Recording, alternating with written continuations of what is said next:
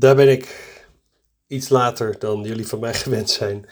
Zoals gewoonlijk. Nee, ik heb vakantie gehad. Uh, mijn laatste podcast, nummer 58, heb ik opgenomen toen ik uh, onderweg was naar de uitvaart van mijn uh, ja, zeer goede vriend Maarten.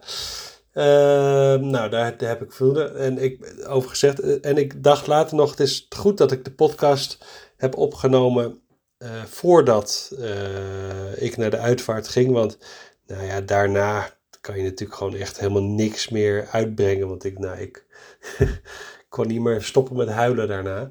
En het was best wel een pittige, ja, uh, pittige gebeurtenis. En ik zat ook terug in de auto, gewoon niks, geen muziek. Te denken van, nou, verdorie zeg. Ik had met Maarten afgesproken dat we samen 90 zouden worden en dan, en dan piept hij er tussenuit. Als je denkt, dat klinkt die vandaag gek, dat klopt, want ik ben hartstikke verkouden. Dus mijn uh, neus zit uh, ongeveer dicht uh, en mijn keel is ook niet heel denderend. Dus ehm, ik hoop dat ik het red vandaag, de podcast. Maar ik ga me er zeker voor inzetten. Nou, en verder, ja, we zijn nu 2,5 week verder sinds mijn laatste podcast. Dat is een beetje ongebruikelijk, want normaal zet ik hem elke week, neem ik iets op. Dus ik ik moet voor straf van deze week twee opnemen van mezelf. Het eerste onderwerp heb ik al voor vandaag.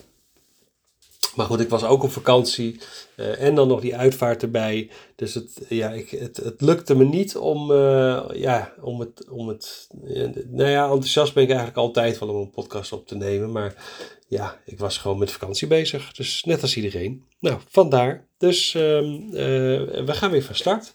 Aflevering 59 vandaag. En het onderwerp is wel interessant, want ik, ik, kreeg die vraag. Ik had, ik had vorige week donderdagavond had ik een, um, een, een, kennismaking met een, met een mondhygiënist. Die mij via Instagram had gevonden. En toevallig uh, is haar boekhouder ook nog eens iemand die ik uh, zo nu en dan ken. Want er is een boekhouder, uh, Joost Dekker heet hij. Uh, en hij heeft meerdere uh, in zijn uh, portefeuille, zo maar zeggen. Dus meerdere mondhygiënisten heeft hij als klant. Dus hij snapt gelukkig als boekhouder ook ehm, hoe, hoe de praktijkvoering werkt en helpt zijn klanten daarmee. En wij zijn elkaar denk vorig jaar een keer tegen, nou niet letterlijk tegengekomen, maar toevallig uh, hielp ik, begeleide ik een mondhygiënist die een eigen praktijk wilde starten. En hij was haar boekhouder, dus zodoende kwamen wij met met elkaar in contact en we hebben een leuke klik. Dus nou, de, de, deze mondhygiënist die bleek ook als boekhouder Joost te hebben. Um, dus we hadden een gesprek erover, want kijk, zij twijfelt al een tijdje of ze die praktijk wil gaan beginnen. Weet je, ze heeft ook een gezin, ze heeft een kind. Uh, ja, dus ze wil daar ook tijd voor over hebben. En ze vroeg zich eigenlijk af van ja, in hoeverre is dat haalbaar? Uh, nou, daar heb ik al meerdere podcasts over opgenomen. Daar, kan ik er nog zeker een stuk of tien over opnemen. maar zij was in de veronderstelling dat ze drie jaar, eerst drie jaar moest ZZP'en voordat ze dan haar eigen praktijk kon gaan starten. Dus ik zeg van nou, dat is helemaal niet waar. Um, want iedereen mag een eigen praktijk starten. Dus of je nou gisteren bent afgestudeerd en vandaag besluit om een praktijk te starten, um, dat kan. Of dat je drie jaar werkt en dan besluit een praktijk te starten. Maar ik, ik snap het ergens wel. Want um, kijk, je moet natuurlijk naar een bank voor een financiering. Dus ik, ik begrijp waar ook uh, een, een boekhouder of accountant, zeg maar, waarom hij in ieder geval dit als advies geeft, hij of zij. Uh, want, kijk, als je een hypotheek moet regelen voor je woning, dan willen ze ook altijd een bepaalde track record hebben. En die track record is vaak drie jaar. Uh, want dan heb ik, kijk, ik ben nu drie jaar met mijn onderneming bezig.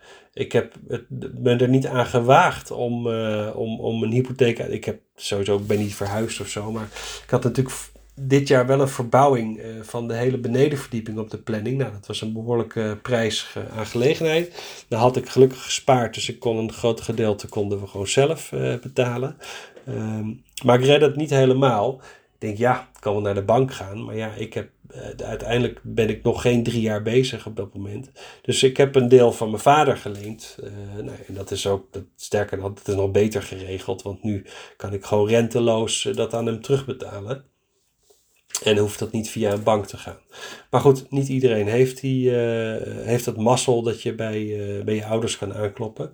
Uh, en dat, dat is voor een, voor een eigen praktijk, dat geldt wel een beetje hetzelfde. Kijk, op het moment dat je naar een bank moet voor een financiering van, nou ja, zeg 200.000 euro, wat natuurlijk best een fors bedrag is, dan wil een bank natuurlijk wel kunnen beoordelen in hoeverre jij in staat bent om dat terug te betalen. Nou, als je nou, stel je bent dit jaar afgestudeerd, je, hebt, het zegt drie maanden je diploma op zak, dus je, je, je besluit gelijk te beginnen als, als ZZP'er. Dan heb je natuurlijk nog niet zo heel veel omzet gedraaid in de afgelopen maanden. Dus een, een bank kan niet zo goed beoordelen um, wat jouw omzet. Kijk, wat jouw omzet per dag is of per patiënt is. Of, dus je mist gewoon een bepaalde track record. Want een praktijk is natuurlijk een combi in eerste instantie van nog deels als ZZP'er blijven werken en, uh, en een deel aan je eigen praktijk besteden. Um, en, en ja, naarmate je praktijk groeit, uh, neemt zeg maar je ZZP-werk af en ga je meer dagen besteden aan je praktijk. Nou, tot zover niks spannends en, en heb ik al eerder benoemd. Um, maar in dit geval, als je pas een paar maandjes aan het ZZP'en bent, heeft een bank eigenlijk niet echt een goede indruk van ja, wat je nou eigenlijk kan, of wat je verdiensten zijn, of wat je omzet is. Dus ik begrijp wel dat, en dan denk ik dat drie jaar misschien wel een beetje lang is. Uh, maar ik snap wel dat een, een boekhouder of een accountant adviseert van joh, ga nou eerst eens drie jaar werken. Kijk, sowieso is dat natuurlijk goed voor je, voor je, voor je geest. Want in die, in die drie jaar dat jij voor andere praktijken werkt, ga je heel veel leren over wat je nou wel en niet leuk vindt. Wat je misschien uh, heel fijn vindt in een praktijk waar je werkt en wat je ook zou doen. En wat je juist helemaal niet fijn vindt in een praktijk Um, en wat je vooral ook niet gaat doen in je eigen praktijk. Dus naast uh, dat je een track record opbouwt over je verdiensten, uh, je omzet en, en hoeveel uiteindelijk je daarvan overhoudt, uh, bouw je voor jezelf, werk je aan je ondernemerschap. Want je leert enorm veel uit andere praktijken, ehm, wat je wel en niet wil gaan doen. Dus ja, ook ik zou adviseren om niet gelijk na je studie een eigen praktijk te gaan starten maar eerst een aantal jaar te gaan werken voor een praktijk. Maar dat hoeft niet per se drie te zijn. Dat kan ook twee zijn. Ik zou wel twee aanhouden, denk ik. Kijk, je bent vaak toch wel een jaar uh, bezig met het opzetten van je eigen praktijk. Um, dus als jij bijvoorbeeld twee jaar voor, een, een, uh, voor verschillende praktijken hebt gewerkt en je denkt na twee jaar van, nou, het wordt eigenlijk wel tijd om, uh, om mijn eigen ding te gaan doen en ik wil meer vrijheid. En je begint alvast met, met zoeken naar, je, uh, naar een mogelijk plekje voor jezelf en na te denken over hoe dat er dan van binnen straks uit gaat zien en, en wie je het liefst in de stoel hebt liggen. Um, ja, voor tegen de tijd die praktijk open gaat, ben je wel weer een, ongeveer een jaar verder. Althans, vaak duurt het wel een jaar. Nou, dan zit je alsnog aan die drie jaar. Dus het is, het is niet een hele gekke richtlijn. Maar ja, ik dacht toch, en het wordt een kort podcastje. Nou, dat is op zich voor mijn keel is dat wel even prettig. Um, maar ja, met de vraag dus, moet je dus eerst drie jaar lang ZZP'en uh, voordat je een eigen praktijk gaat starten? Nou, het antwoord is nee, je mag een eigen praktijk starten. Iedereen mag een eigen bedrijf starten op het moment dat hij of zij dat wil. Uh, dus jij mag je praktijk starten zelfs nog voordat je bent afgestudeerd. Alleen dan heb je misschien wel een uitdaging met het behandelen van mensen. Want ja, wie, uh, hoe ga je in je AGB-code komen? Maar goed, dat is weer een heel ander verhaal. Een hele nieuwe podcast, denk ik. Uh, dus ja, iedereen mag een eigen bedrijf starten. Ook nog voor je diploma.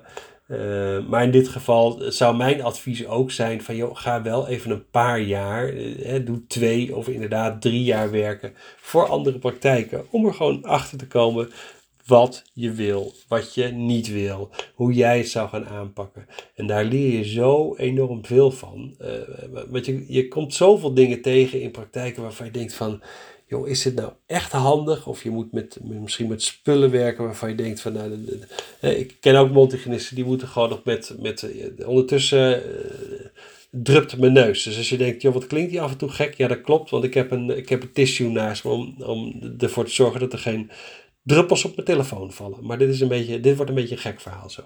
Ehm, maar wat wilde ik nou zeggen? Oh ja, ehm, als je dus in een, in een praktijk werkt en met bepaalde. Oh ja, ik, ik had een montigenist, die, die had ik, mijn eigen montigenist, mijn vorige montigenist, die werkte in de tandartspraktijk. En die, die, die, die, de eigenaar was ook een tandarts, maar die tandarts die wilde niet investeren in bijvoorbeeld een, een EMS of een soortgelijk apparaat. Um, dus uh, die, uh, ja, die liet haar werken met zo'n handy, gewoon zo'n bolletje op de luchtaansluiting. En de ultrasoon uh, scaler die kwam ook van die unit. Nou, en het was eigenlijk alles behalve ideaal. En omdat het alles behalve ideaal was, ja, deed zij eigenlijk heel veel nog gewoon met handinstrumenten. wat natuurlijk ook gewoon een prima resultaat oplevert. Alleen voor mij als, ja, ik zit nu bij een andere montignist die wel met zo'n zo'n EMS-machine e werkt. En voor mij als patiënt is het ook een heerlijk apparaat. Dus ja, weet je, dat, die, die, die keuze kan je wel maken als je je eigen praktijk hebt. En als je voor een andere praktijk werkt, dan neemt iemand anders de beslissing vaak voor je. Uh, of je wel of niet uh, zo'n apparaat tot je beschikking krijgt. Nou, en als je die dan niet tot je beschikking krijgt, dan zou je natuurlijk nog over kunnen overwegen om hem gewoon zelf aan te schaffen.